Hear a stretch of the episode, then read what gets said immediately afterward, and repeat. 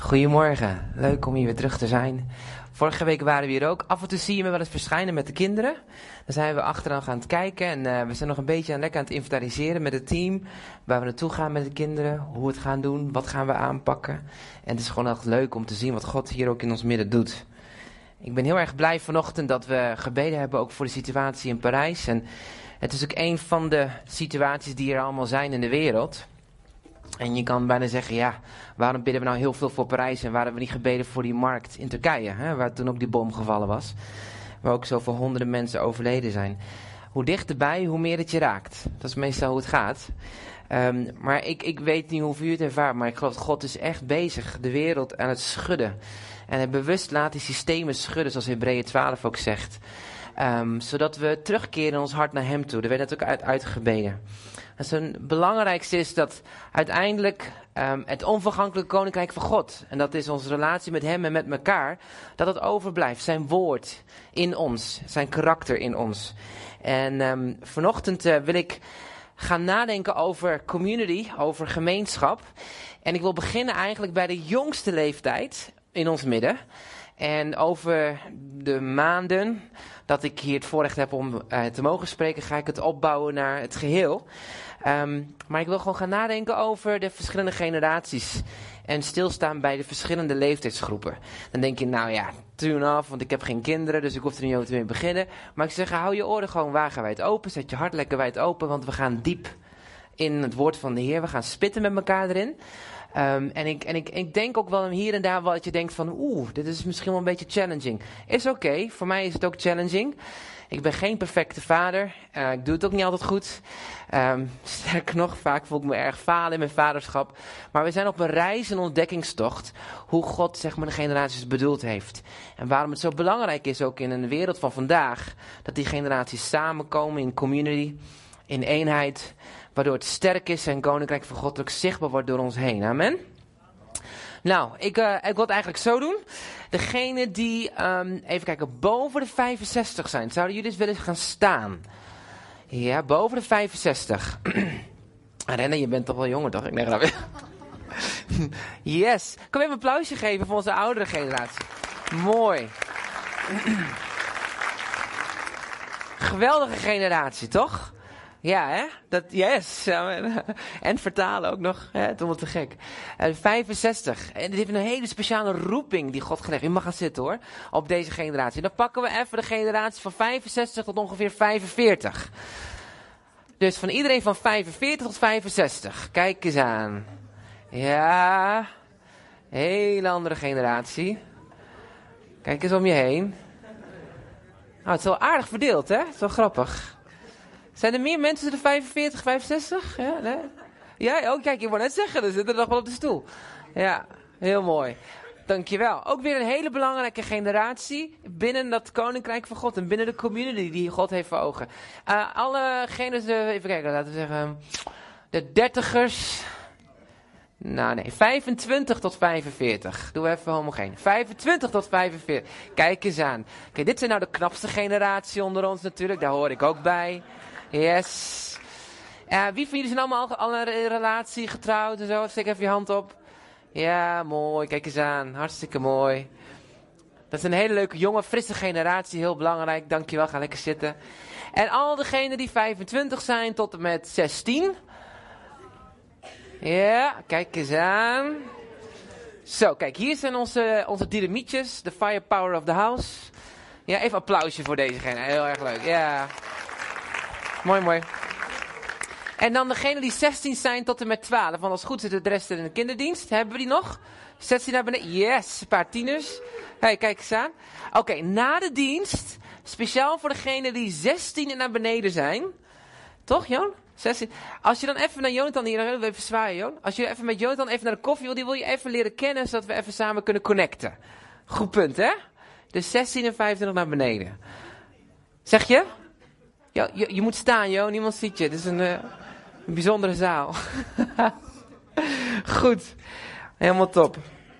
Ik ga het hebben met jullie over uh, hoe zien we kinderen. En als we praten over kinderen, dan moeten we natuurlijk ons realiseren dat je kan praten over kinderen in termen van leeftijd. Maar we zijn allemaal kinderen. We komen allemaal uit een familie We zijn allemaal geboren ergens in een gezin. Sommigen een iets beter gezin dan een ander gezin. Maar we zijn allemaal kinderen. Maar ik wil gaan nadenken met elkaar samen, als alle leeftijden, over nadenken over kinderen. En als ik dan over kinderen praat, dan bedoel ik over 0 tot en met zeg maar 20. Is dat een goed punt? 0 tot en met 20. Dus uh, tieners voel je dan niet dat je denkt, ik ben eigenlijk een tiener. Ik ben al jong volwassen, dus waarom word ik als kind aangemerkt? Maakt niet uit, is niet erg, maar het is even makkelijker praten. Oké? Over kinderen. Hoe kijken we naar kinderen en wat voor belang is dat? Waarom is het zo belangrijk om te zien wat God heeft gelegd in deze doelgroep? Um, dus de mate hoe we naar kinderen kijken, bepaalt ook hoe we als gemeente en ouders kinderen en jongeren een plaats geven in ons midden. Dus ook in de dienst, hoe we met elkaar omgaan. Het bepaalt hoe we gaan wandelen met deze jongere generatie. En hoe we hen vrijzetten in de bestemming die God voor hun leven heeft. Dus ons beeld is uitermate belangrijk hoe we naar jongeren, hoe we naar kinderen kijken in ons midden. Um, en er zijn twee manieren waarop onze beeld zeg maar, van kinderen, jongeren gevormd worden. En de eerste is de maatschappij. De maatschappij leert ons hoe wij naar kinderen moeten kijken. En dan heb ik het over datgene wat je meekrijgt vanuit school. Maar ook wat je leest in de media over hoe naar kinderen gekeken wordt. Ik weet niet of u de film uh, kent van um, uh, Grandfathers, Grandmothers. Dat gaat over opa's en oma's die op een gegeven moment dan eindelijk een keer mogen oppassen op de kinderen, kleinkinderen. Waarvan de ouders een hele andere waarde hebben dan de opa's en oma's. Waar de opa's en oma's zeggen nee, zeggen de ouders je moet het vragen. En dat is allemaal heel verschil van opvoeding. Heel interessant, leuk, leuk film om eens een keer naar te kijken. Maar de maatschappij bepaalt hoe we naar kinderen kijken. Een andere manier hoe we naar kinderen kijken, ons beeld waardoor het gevormd wordt, is onze opvoeding. Um, als je opgevoed wordt in een heel strikt gezin, dan zal jouw manier van, uh, um, um, van opvoeden of heel strikt zijn, of juist heel erg vrij zijn. de manier hoe je met kinderen omgaat, wordt bepaald door jouw ervaringen, jouw kleuring die je hebt meegemaakt in jouw leven. Heb je een situatie die meegemaakt in je familie wat moeilijk is en pijnlijk is, dan zal je heel vaak zien dat er eh, patronen getrokken worden vanuit jouw geschiedenis naar hoe jij nu met kinderen omgaat in jouw beeld. En dat kan positief als wel negatief zijn. Maar Jezus leert ons ook hoe wij naar kinderen mogen gaan kijken. En ik wil je eigenlijk daarin meenemen op een ontdekkingstocht hoe Jezus kijkt naar het belang van jongeren en kinderen binnen zijn koninkrijk en binnen deze gemeente die zijn koninkrijk weerspiegelt, maar ook binnen jouw gezin, binnen jouw familie en hoe jij als individu in relatie staat naar deze jongeren toe. En dan gaan we lezen in Matthäus hoofdstuk 18 en we kijken ook nog even een paar versen in hoofdstuk 19. Dus Matthäus hoofdstuk 18.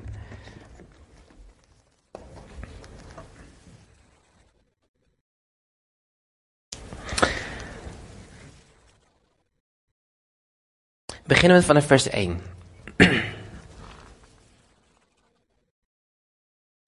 Op dat moment kwamen de discipelen bij Jezus en zeiden: Wie is toch het belangrijkste in het koninkrijk de hemelen? En Jezus riep een kind bij zich en zette dat in het midden. En hij zei: Voorwaar, ik zeg je, als, als jij niet verandert en wordt als kinderen, zul je het koninkrijk van God niet binnen kunnen gaan. Wie zich dan zal vernederen als dit kind, die is de belangrijkste in het koninkrijk de hemelen. En wie zo'n kind ontvangt in mijn naam, die ontvangt mij. Maar wie een van deze kleine die, mij, die in mij geloven doet struikelen. Het zou beter voor hem zijn dat een molensteen aan zijn hals gehangen wordt en hij in de diepte van de zee gezonken was. Wee de wereld vanwege al haar struikelblokken. Want het is noodzakelijk dat er struikelblokken komen. Maar wee de mens die wie zo'n struikelblok er komt. Als dan uw hand of uw voet u doet struikelen, hak hem af en werp hem van u. Het is beter voor u, kreupel of verminkt door het leven te gaan, dan met twee handen of twee voeten in het eeuwige vuur geworpen te worden. Als uw oog doet struikelen, ruk het uit en werp het van u. Het is beter voor u met één oog tot leven staan, dan met twee ogen in het helse vuur geworpen te worden. Pas op dat u niet één van deze kleine, kleinen veracht. Want ik zeg u dat een engelen in de hemelen altijd het aangezicht zien van mijn Vader die in de hemel is. Het is een heel mooi stuk. Ook wel een best wel een radicaal stuk. En Jezus die hier uh, les geeft over een, een hele interessante vraag. En hij zegt hier eigenlijk in vers 10, waak ervoor dat je een van deze geringen of kleinen of kinderen, een andere vertaling zegt, dat je die daar niet neer op kijkt. Veracht is neerkijken op. Dat je hen niet minder vindt. Want ik zeg je, de engelen in de hemel aanschouwen onophoudelijk het gelaat van mijn hemelse vader. Een van de manieren waarop wij vandaag de dag naar kinderen kijken, is toch, en jongeren, is toch met een bepaalde kijk waarin we, ja, laat ik het maar zeggen, gewoon neerkijken. Dat we soms neerkijken op kinderen. Neerkijken op wie ze zijn. Uh, en dus eigenlijk is dat al een beetje het, uh, de introductie naar het probleem. Kinderen zijn namelijk kleiner dan volwassenen, toch? Ja? En uh, misschien is er een kind hier? Kan ik, kan ik een kind? Yes. Wie wil, mij, wil je mij helpen? Ja? Kom, ja, kom maar. Ik, mag ik deze er waar? Oké. Okay. Oké, okay, even op de stoel zitten? Ja. Iedereen hoort wat ik zeg. Jezus zette, hij riep ze bij zich en hij zette een kind in het midden neer. En hij zegt tegen al die volwassenen, hij zegt van jongens, kijk niet neer op dit kind. Ga niet minder van hem zien. Hij is net als jij, alleen een stukje kleiner. Hij heeft ook een hand, mooie haren, twee ogen en een neus. Hij lijkt op een kleine mini-volwassentje. Dit is ook een mini-volwassentje, toch? Ja, hè? en hij kan ook lachen, dat zie je ook, hij heeft een mooie glimlach. En uh, waarschijnlijk is hij ook nog uh, best wel stoer in voetbal. Nee? Ik voetbal niet. Oh, je voetbal niet. Waar, waar hou je wel van? Uh... Computer? Computer? Ja, wel voetbal. Dat dacht ik al. iPads of Xbox? Xbox. Xbox, oké. Wat voor spelletje dan? Uh, Minecraft. Oh, Minecraft. Oh, okay. Maar goed, hier hebben we dus een kind. En, en Jezus introduceert hem. En Jezus zegt eigenlijk van, joh, weet je, um, het is heel belangrijk dat je begrijpt dat dit zijn kinderen waar je niet op neer mag gaan kijken. Nou, hebben we net gezegd, kinderen zijn ook tot en met 20 even in dit geval. Hè? Dus ook een tiener zou ik hier neer kunnen zetten. Kijk niet neer. Maar vandaag de dag in onze wereld kijken we naar kinderen en dan denken we bij onszelf, ja, hè, dat is een kind. Heel belangrijk. We houden van kinderen. Ik hou ook van mijn kinderen. Ik heb ze lief. Maar Jezus zegt van, joh, kijk niet neer op hun. Um, weet je, want in onze wereld wordt iemands belangrijkheid gemeten aan wat of hij of zij kan en doet. Dus als iemand heel goed is in sport, of iemand is heel goed in um, nou noem eens wat, uh, uh, met cijfertjes. Of iemand is heel slim of heel sterk, of juist uh, welbespraakt, een goede opleiding gedaan heeft. En zelfstandig is, dat is heel belangrijk, en een eigen bankrekening heeft en een mooie auto rijdt. Dan is hij succesvol en is hij goed. Dus volgens de kwalificatie van deze wereld, hoe we naar kinderen kijken, dan zou zo'n kind eigenlijk niet zo heel veel betekenen. Eigenlijk zijn, is niet zo heel erg belangrijk uh, in onze ogen. Want een kind, ja, die produceert geen eten, toch? Nee, hij eet het alleen maar op. En een kind draagt geen, of maakt ook geen kleren. Wie houdt er van breien van de oudere generatie? Ja, kijk, er is ook wel vast van de jongere generatie houden ook wel van breien, denk ik. Hè? Ja, inderdaad. Maar kijk, een kind kan niet breien. Of tenminste, je zou kunnen leren, maar in feite, een kind draagt kleren, toch? Uh, kinderen hebben. Heb je geld? Ja. Hoeveel geld heb jij? Uh, Heeft papa uitgelegd over tienden? Nee. Nee, maar nee, dit is een grapje. Maar kinderen hebben niet van nature geld of ze hebben geen baan. Dus ze hebben geld nodig. En ze kosten vooral heel veel geld. Zeker als je een babytje hebt en je bent continu bezig met luiers verschonen. Um, kinderen zijn niet in staat bij te dragen aan de maatschappij. Zoals de maatschappij verwacht dat je participeert in de maatschappij. Snap je? En vandaag de dag is het dan ook dat wij dus als wij dan naar kinderen kijken, dat we eigenlijk kunnen kwalificeren van ja, ze zijn, we houden van onze kinderen, er zijn rechten van het kind, we beschermen onze kinderen. Maar of ze nou echt helemaal bijdragen binnen de communiteit, binnen de samenleving en een plek hebben, nee eigenlijk niet, want we moeten eerst 18 worden, want dan krijg je stemrecht. Dan moet je studie afgemaakt hebben. En als je een goede baan hebt, dan tel je min of meer een beetje mee. Uh, uh, en, en, en weet je, en dat is eigenlijk de crux waar, waar, wij, waar het koninkrijk van God eigenlijk juist heel anders tegen aankijkt. Um, het ergens is het heel beschamend, want deze vraag, of eigenlijk waarom Jezus deze opmerking plaatst, had te maken met de vraag die de discipelen zeiden. Hij zei, de discipelen vroegen van, wie is de grootste in het koninkrijk van God?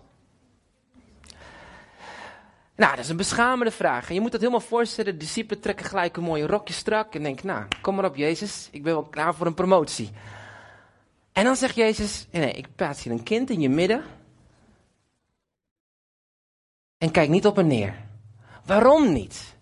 Omdat hun engelen voor de aangezicht van de Heer zijn. Oeh.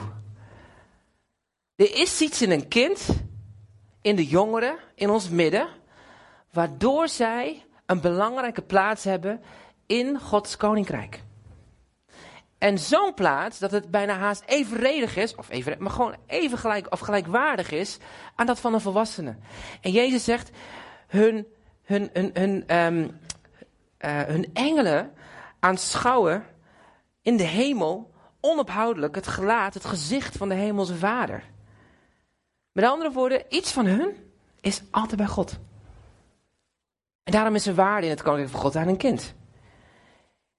En zo, Jezus laat hier een heel ander waardesysteem zien.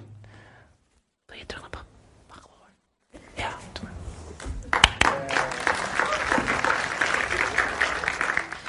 Hij zei namelijk dit. Als het waardesysteem in de wereld is, wat draag je bij? Hoe zie jij eruit? Wat heb je gepresteerd? Dan hebben kinderen eigenlijk helemaal geen belangrijke waarde. Jongeren ook niet. Minder. Want in essentie zijn zij afhankelijk. In essentie hebben zij niks te bieden, maar zijn ze afhankelijk van de volwassenen. En kunnen zij niks geven. Maar Jezus zegt hier: nee, wacht even. Het gaat hier niet alleen maar over wat zij bieden. Het gaat erover dat hun hart is afhankelijk en nederig.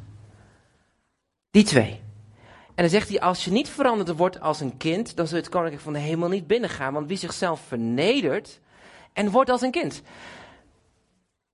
die is het grootste in het koninkrijk van de hemel. Dus de nederigheid van het hart van een kind is een teken van de belangrijkheid in het koninkrijk van de hemel. Want God hecht zoveel waarde aan de conditie en de motivatie van het hart. God kijkt niet wat je kan. God kijkt niet naar de lengte. Hij kijkt niet naar de grootte van je neus. Hij kijkt gewoon naar jouw hart. En wie je bent. En zo kijkt God naar een kind. En de conditie van jouw hart bepaalt min of meer jouw waarde binnen het koninkrijk van God. En zegt, nou is dat echt dan zo, John? Ja, nou dan gaan we kijken in 1 Samuel hoofdstuk 16. In het verhaal van David. Je mag het openslaan, dan kan je tussendoor lezen. Maar daar staat een verhaal in over dat uh, koning Saul was overleden. En uh, Samuel de profeet, die zat daar en hij was aan het huilen en rouwde om Saul. En vervolgens zegt de Heer tegen hem, Samuel, stop met rouwen, ga naar het huis van Jesse. En ik wil dat je een van hun zonen gaat salven tot koning, want ik heb hem uitgekozen om koning te worden. Dus Samuel ging op weg en kwam aan met het huis van, um, van uh, Jesse. En hij zag de eerste zoon Eliab. Gave jongeman, sterk, reizen van gestalte. En Samuel dacht bij, nou dat is vast en zeker de persoon die God heeft apart gezet om zijn koning te worden van zijn volk. Hij is sterk, hij is knap en hij zou heel goed een volk kunnen leiden. Hij zou helemaal in het plaatje passen van wat wij verwachten wat een leider zou moeten zijn. En dan zegt de Heer, tikt hem op de rug en zegt, ah, ah nee Samuel, ga niet af op het voorkomen. Een andere vertaling zegt het uiterlijk of hoe iemand gedraagt. Ga niet af op zijn reizige gestalte. Het gaat niet om wat, je met, wat de mens ziet. Want de mens ziet alleen de buitenkant, het uiterlijke. Maar de Heer kijkt naar het hart. Dus toen kwamen allerlei zonen voorbij. En elke keer of de, ah, ah, dit is hem niet, volgende, dit is hem niet, volgende, dit is hem niet. En vervolgens zegt op een gegeven moment Samuel tegen Jesse van, joh Jesse, heb je nog een zoon? En dan zegt Jesse, ja, nou ja, ja, een beetje beschamend. Ja, ik heb nog wel een zoon, want eigenlijk was hij een halve zoon. Maar goed, ja, de jongen, dat is de jongste. En die zit uh, ja, bij de schapen en hij hoedt de kudde. David kon nog niet zo heel veel dan alleen maar op een kudde schapen passen. En hij was niet helemaal gekwalificeerd als zijn oudere broer Eliab. Maar toch zei Samuel, breng deze jongeman hier. Dus, moet je je voorstellen, Samuel zit daar gewoon lekker chill. Achter die schaapjes. Vervolgens komt zijn broer aan. En die broer zegt, hey, joh, kom, we moeten naar huis. Want uh, de profeet is bij je en uh, die wil je even zien. Ja, stoer. Hij pakt zijn skateboard, flipt langs buiten, hup, longboard naar buiten toe. Weet je, want dat is natuurlijk wat jonge mensen doen. Pak met een flip dat ding op, loopt naar binnen, heel chill. En dan komt hij aan met zijn rossige haar, niet mooi gekamd, maar gewoon stoer, you know. En zijn blauwe, of zijn heldere ogen. Mooi zongebruind kleurtje, want dat is natuurlijk heel bij die schapen. En hij ziet, en Samuel ziet hem en hij zegt, oeh, wacht even, wacht even. Er zit iets in die ogen van jou. Want er staat letterlijk in, dat David had sprekende ogen. Als je sprekende ogen hebt, dat betekent dat je iemand kan zien in een ziel. Ja, dat je ziel komt naar buiten door die ogen. Hij zei, dat is hem. En toen werd David gezalfd. Hij was hier nog maar een tiener, hè? Pre-tiener. Dus dan ergens tussen 12, 16. Helemaal niet zo oud. Maar hij werd wel eruit gepikt door de Heer. Interessant, hè? Dus David was een man naar Gods hart. Dat lezen we verderop in de Bijbel. God ziet en zoekt iemand van het hart.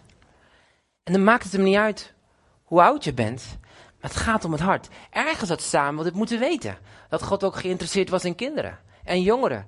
Want Samuel zelf, hoe oud was hij? Vier, vijf jaar? Toen hij geroepen werd in de tempel. Door de Heer en zijn stem hoorde.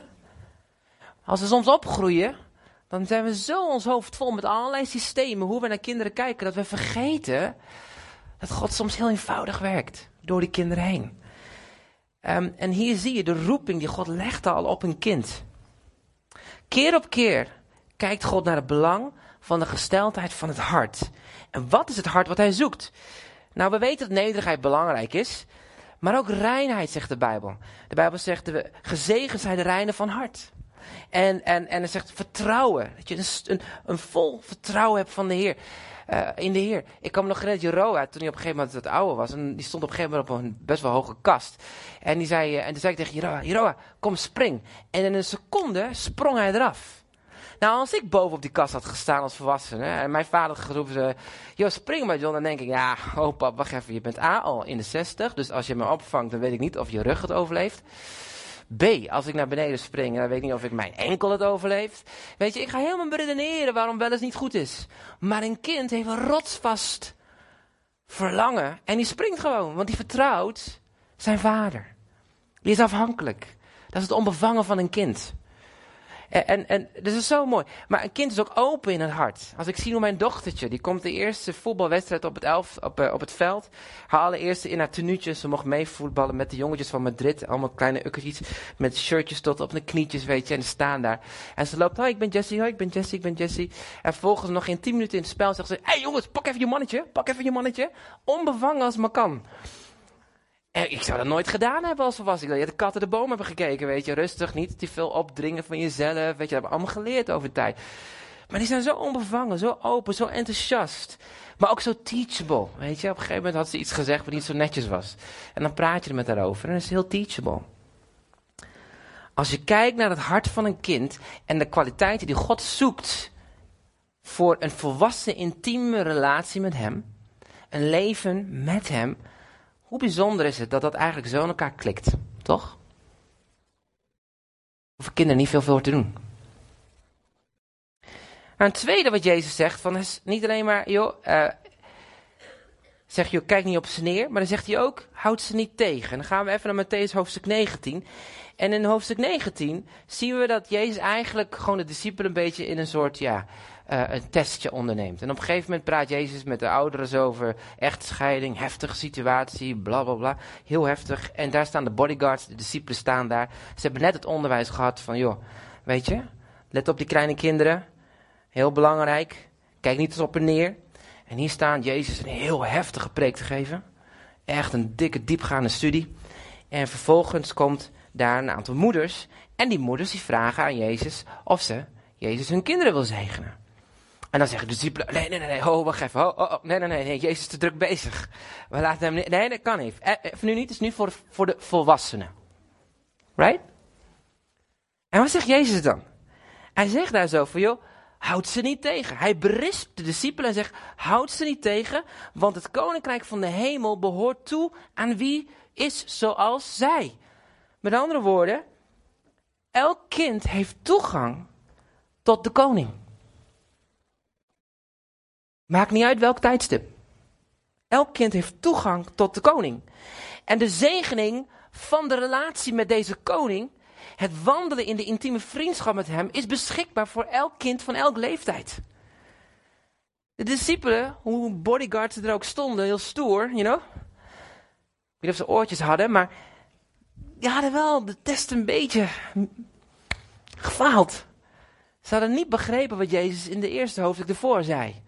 Alle kinderen mogen komen. Kijk niet op en neer.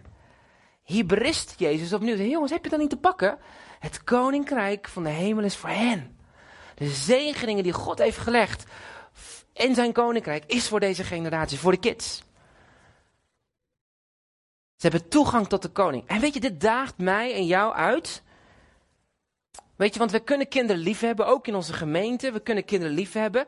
Maar als we Jezus beeld niet hebben van kinderen en hun geestelijke vermogen erkennen, hun capaciteit erkennen, en dat ze in staat zijn een relatie te hebben met, het kon, met de koning, een deel te zijn van zijn koninkrijk en een bijdrage te kunnen leveren, dan hou ik ze tegen. En hoe hou ik ze tegen? Nou, soms kan het zijn dat je gewoon te druk bent. Dat je gewoon denkt, nou ja, ik ben blij dat ik gewoon nu in de dienst zit, de kinderen lekker in de opvang. Weet je? Ik kan mijn verhalen met hun delen af en toe. Een keer. Maar dat wil niet zeggen dat ik ze meeneem in die intieme wandel. Dat ze dicht bij de koning mogen komen.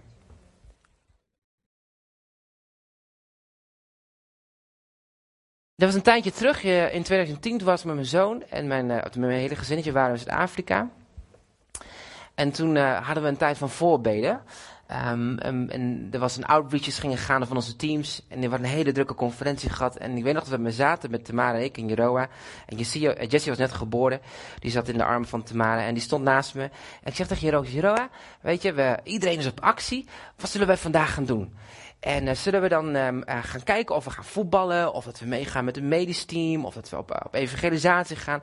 Maar gaan God vragen wat we moeten doen. Ja, is goed, zegt Jeroa. Dus Jeroa die, en ik zaten me klaar. Ik zei, maar hoe gaan we nu? We gaan even voor bidden. Is goed. Dus wij gingen bidden. Dus we hadden een aantal stappen die we doorgingen. Nou, de eerste stap, dat we onze gedachten legen. Dat we tijd nemen om Gods stem te verstaan. En dat we vragen aan de Heilige Geest om ons te laten zien wat we mogen doen. Dus Jeroa was daar ongeveer drie jaar oud. En die, uh, die deed mee en uh, die zat naast mij en die ging gewoon uh, naast me op de tafel zitten. Dus ik zei, nou Jeroa, nu hebben we onze stapjes gedaan, we hebben ervoor gebeden. We gaan we stil zijn en vragen aan de Heilige Geest wat hij wil zeggen tegen ons. Is dat oké? Ja, is goed papa. Dus hij legt ook zo, bom, zijn hoofd op de tafel. Helemaal niet geestelijk, maar gewoon boem. Dus op dat moment kijk ik mijn vrouw en denk, ja, wat moeten we hiermee? Zegt ze, laat maar gaan. Nou goed, dus Jeroa zat zo met zijn haar, het lang haar, op de tafel. En nou goed, Jeroen die was stil, ik was stil en we gingen luisteren. Nou goed, dus eerst was ik bezig met al mijn gedachten aan het herschikken van alles wat gebeurd is en uh, tot rust komen. En nog geen 30 seconden in het stil zijn, komt Jeroen uit, trekt aan mijn handen en zegt zo, papa, papa, we moeten boom klimmen. Ik keek hem aan en ik zeg, ja. Nou Jeroa, we gaan bidden, we gaan vragen aan de Heer Jezus waar we naartoe mogen. Mogen we gaan voetballen, we mogen met een medisch team mee. Of, dus ik legde alle opties weer uit. Zullen we opnieuw stil zijn voor de Heer Jezus? Ja, is goed. We gaan stil zijn. Dus Jeroa, die knalt zijn hoofd weer op de tafel. Boom. En terwijl hij dus het over de tafel doet, denk ik, ja nou, ik ben stil, maar ik krijg die boom natuurlijk. Het zit in mijn hoofd, zit nu in mijn hoofd. Boom klimmen, verschrikkelijk. Weet je, dus ik denk, oh hier, boom weg. Hè? Hier komt met uw heilige geest, vereinig mij, vul mij, weet je, alles erop en eraan. Je weet hoe dat gaat, drama. Nou, Jeroen, 30 seconden, nou echt waar, op, de, op een seconde af hoor. Papa, papa, de Jezus zegt, we moeten boom klimmen. Ik zeg, Jeroen, doe het nog één keer. Ik leg het opnieuw uit aan hem. Vervolgens zegt Tamara, mijn vrouw, de ontwikkelingspsycholoog, dus die weet heel beter hoe ze met kinderen omgaat. Schat, dus die komt erbij. Ik voel me natuurlijk helemaal falen als vader dat ik het niet kan uitleggen. Je weet hoe het gaat. En uh, goed, Jeroen die gaat weer stil zijn. En dus wij met z'n allen stil zijn. Ik probeer die boom met mijn hoofd te halen. En wij gaan weer stil zijn. En nog in 30 seconden. En toen zegt Jeroen, papa, papa, de Heer Jezus zegt, je moet boom klimmen. Wat doe je als ouder dan? Ja, ja, sommigen denken boom klimmen, maar laten we eerlijk wezen, waarschijnlijk denk je, dag, gaan we gewoon naar de voetbal. Dus dat dacht ik ook. Ik denk, ik ga gewoon met hem naar het voetbalveldje, want daar zijn bomen. Nou, dat is toch de Heer, hè? Heel, heel nuchter. Dus ik, uh, nou, met hem naar de boom. Dus wij lopen onderweg. Zien daar een mega bananenboom. En zegt Jeroen, papa, dat is de boom. Ik zeg, nou nee, schat, daar gaan we niet in. Daar zitten slangen. Dus wij lopen gewoon lekker door naar de volgende plek. Vervolgens kom ik bij dat veldje. Ik als goede leider, weet je, van de conferentie, sta daar heel mooi geestelijk om de kant te kijken naar die kinderen, naar de jongeren aan voetballen, evangelisatie. Ik doe dan zogenaamd voorbeden, koorden. En vervolgens zit mijn zoon, papa, ik moet in een boom in. Is goed, joh. Ik help hem in de boom. Ik ben half aan bidden, weet je, want natuurlijk geestelijke taak. Dus ik zat daar. En op een gegeven moment tikt hij op mijn schouder en zegt, papa, jij moet ook in de boom, want Jezus dat je in de boom moest. Ik zeg, schat, heb je mijn schoenen gezien? Ik zeg, ik kan niet in die boom. Hij zegt, nee, je moet ook in de boom. Ik denk, ja, hoe gaan we dit doen? Dus ik denk, nou is goed. Dus ik ben hem in die boom. Half lig ik daar als een of andere aap te hangen aan een tak. En val bijna donderend uit een boom. En op dat moment beginnen we zo hard te lachen. En terwijl ik met hem daar in die boom zat en we hadden lol met elkaar. En ik was aan het kijken naar wat die, wat die jongeren aan het doen waren. Toen ik begon naar de geest in mijn hart te spreken. En hij zei, John, wat ben je nou aan het doen? Ik zei, nou ja, ik zit hier met mijn nette schoenen in een boom en ik heb ontzettend veel lol. Zegt de Geest, ja, maar dat is wat ik wilde dat je moest doen. Lol hebben. Je bent de hele week al druk bezig geweest. Wie was nou geestelijk? Wie had nou bij het rechte eind? Wie was geestelijk volwassen? Niet ik. Maar mijn zoontje. Drie jaar oud. Weet je, en dat is het hele interessante. Verwelkom je een kind tot je? Of keer je duw je ze weg. Heb je eens over nagedacht? Matthäus zegt ook, hè, ontvang je een profeet, dan ontvang je de loon van een profeet. Ontvang je rechtvaardige, dan ontvang je het loon van de rechtvaardige. Dat is een heel mooie tekst. Met andere woorden, je moet je hart openen voor elkaar, dan ontvang je de zegeningen. Maar heb ik ook zo datzelfde ontvankelijke hart naar tieners, naar jongeren, naar kinderen? Of slaat ik mijn hart af? Nee, deze team is alleen maar op zijn uh, Xbox. En is alleen maar Minecraft. Ja, het geen bal aan, want hij wil toch niet mee het bos in. Da, da, da. Hoe is mijn hart? Het is onmogelijk om met het kind in contact te komen. Nee, ze leven in een hele andere wereld. Maar de Heer zegt, verwelkom je elkaar. Uh, weet je, we gaan even terug naar Matthäus 18 en vers 5. Dat Jezus spreekt daar heel mooi over. Hij zegt dan... En wie zo'n kind ontvangt in mijn naam, ontvangt mij. Ontvangt mij. Hoe ontvang ik een kind? Alle kinderen die hier zijn in de kinderdienst, er zijn behoorlijk wat.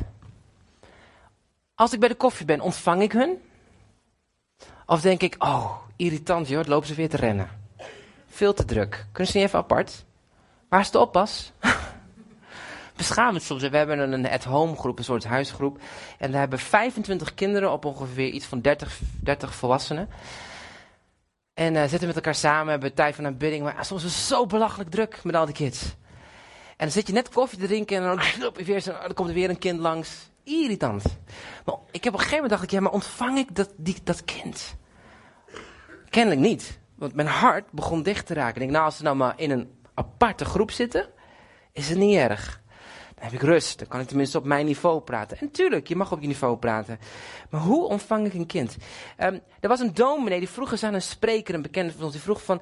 Wanneer is de goede leeftijd van een kind om gedoopt te worden? En, um, en wanneer is het de goede leeftijd voor kinderen om mee te doen aan het avondmaal?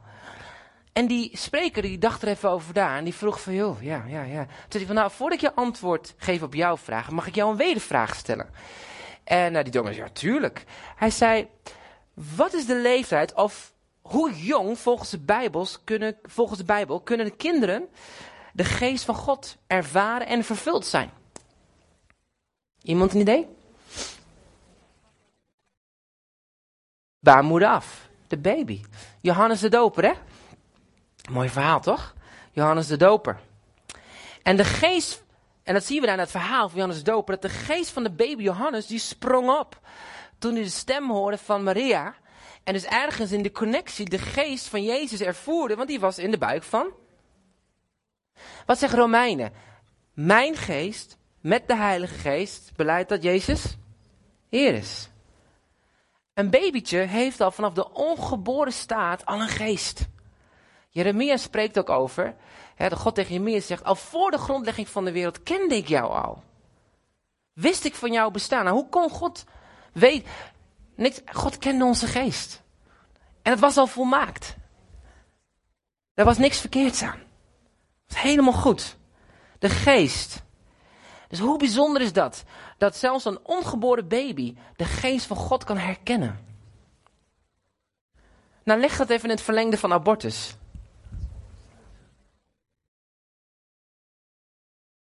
Prediker 12, vers 1 zegt dat kinderen kunnen God kennen als een schepper. En Johannes 2, vers 12 zegt dat kinderen God kunnen kennen als een vader. Handelingen 2 zegt, op een gegeven moment zegt Peter daar tegen de gelovigen, hij zegt, bekeer je, laat je dopen en je zult de gave van de geest ontvangen. Want dit is de belofte voor jou en jouw kinderen. Dus niet alleen maar voor de volwassenen, maar ook voor de kinderen. En dan zegt hij van, kinderen kunnen God kennen als een schepper en een vader. Kinderen kunnen Jezus kennen als hun verlosser. Kinderen kunnen Jezus erkennen als Heer van hun leven. En ze kunnen vervuld worden met de geest van God. Mijn tijd is voorbij, anders hadden we nu ook nog kunnen nadenken over wat kinderen kunnen betekenen in een community. En dat is het volgende punt. Daar gaan we een andere keer over hebben. Maar de kinderen hebben een plek in het koninkrijk van God. Die hebben een plaats. En daarom zegt Jezus: ontvang ze in mijn naam. Ze hebben een geest die misschien nog wel eens puurder kan zijn dan wij nog hebben. Die nog echter is. En daarom dacht Jezus uit, word gelijk aan die kind. Uh, mijn vraag is, verwelkom je kinderen in deze gemeente als zijnde Jezus die naar jou komt?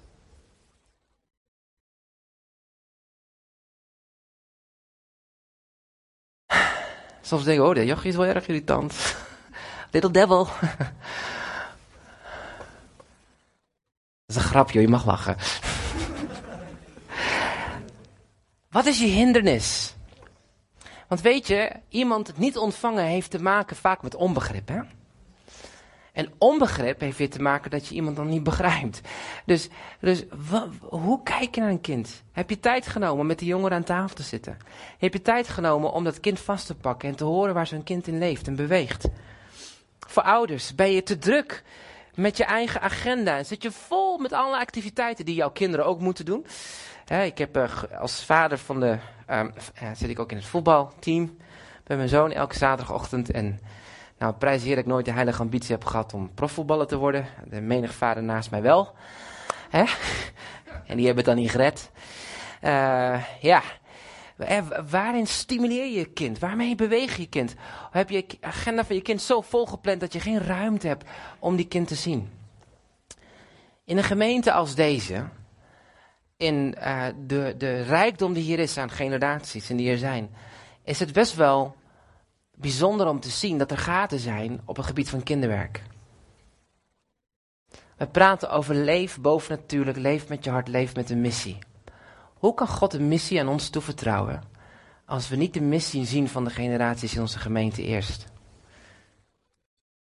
Hoe wil, de wereld, hoe wil God de wereld ons toevertrouwen met alle mensen die komen van buitenaf, terwijl we niet eens kunnen zorg dragen voor de kleintjes, de kinderen, de tieners?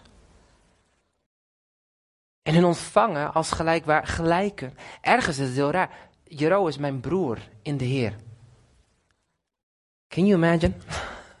Als hij ouder wordt is het makkelijker te begrijpen, maar als kind zijnde. En wat doe ik eraan? Om hem mee te nemen, om Jezus te kennen. Zit dat in het programmaatje waarbij wij als kinderwerkers dan een van de clownspakken aantrekken? En Jezus houdt van jou, kom op de stoel. Is dat het? Nee, daar zit het er niet in. Het begint in de essentie eerst aan jou mijn tafel. Zoals de Bijbel zegt in Deuteronomie 6. Het begint eerst thuis. Dus daar is de eerste opdracht van de ouders. Maar ho, wacht even ouders, je bent het niet alleen voor. Er zijn heel veel singles en er zijn heel wat grootouders hier, die ook een plek en een taak hebben om de jongere generatie mee te nemen in het Koninkrijk van God. Sommige oude, grootouders zeggen, ja, mijn kinderen gaan niet meer naar de kerk. Mee eens. Dat kan. Maar weet je dat de Bijbel vol staat van voorbeelden van grootouders die zorg draagden voor de kleinkinderen, waardoor zij in een bestemming met God konden wandelen? Er is een rol en een taak. Hoe zie jij een kind? Hoe zie jij de kleinste babytjes? Als schattig lief en oh wat een leuk pakje heeft hij aan bij de H&M. Ja, een aanbieding. Oh schattig. Nee, of kijken we dieper dan dat?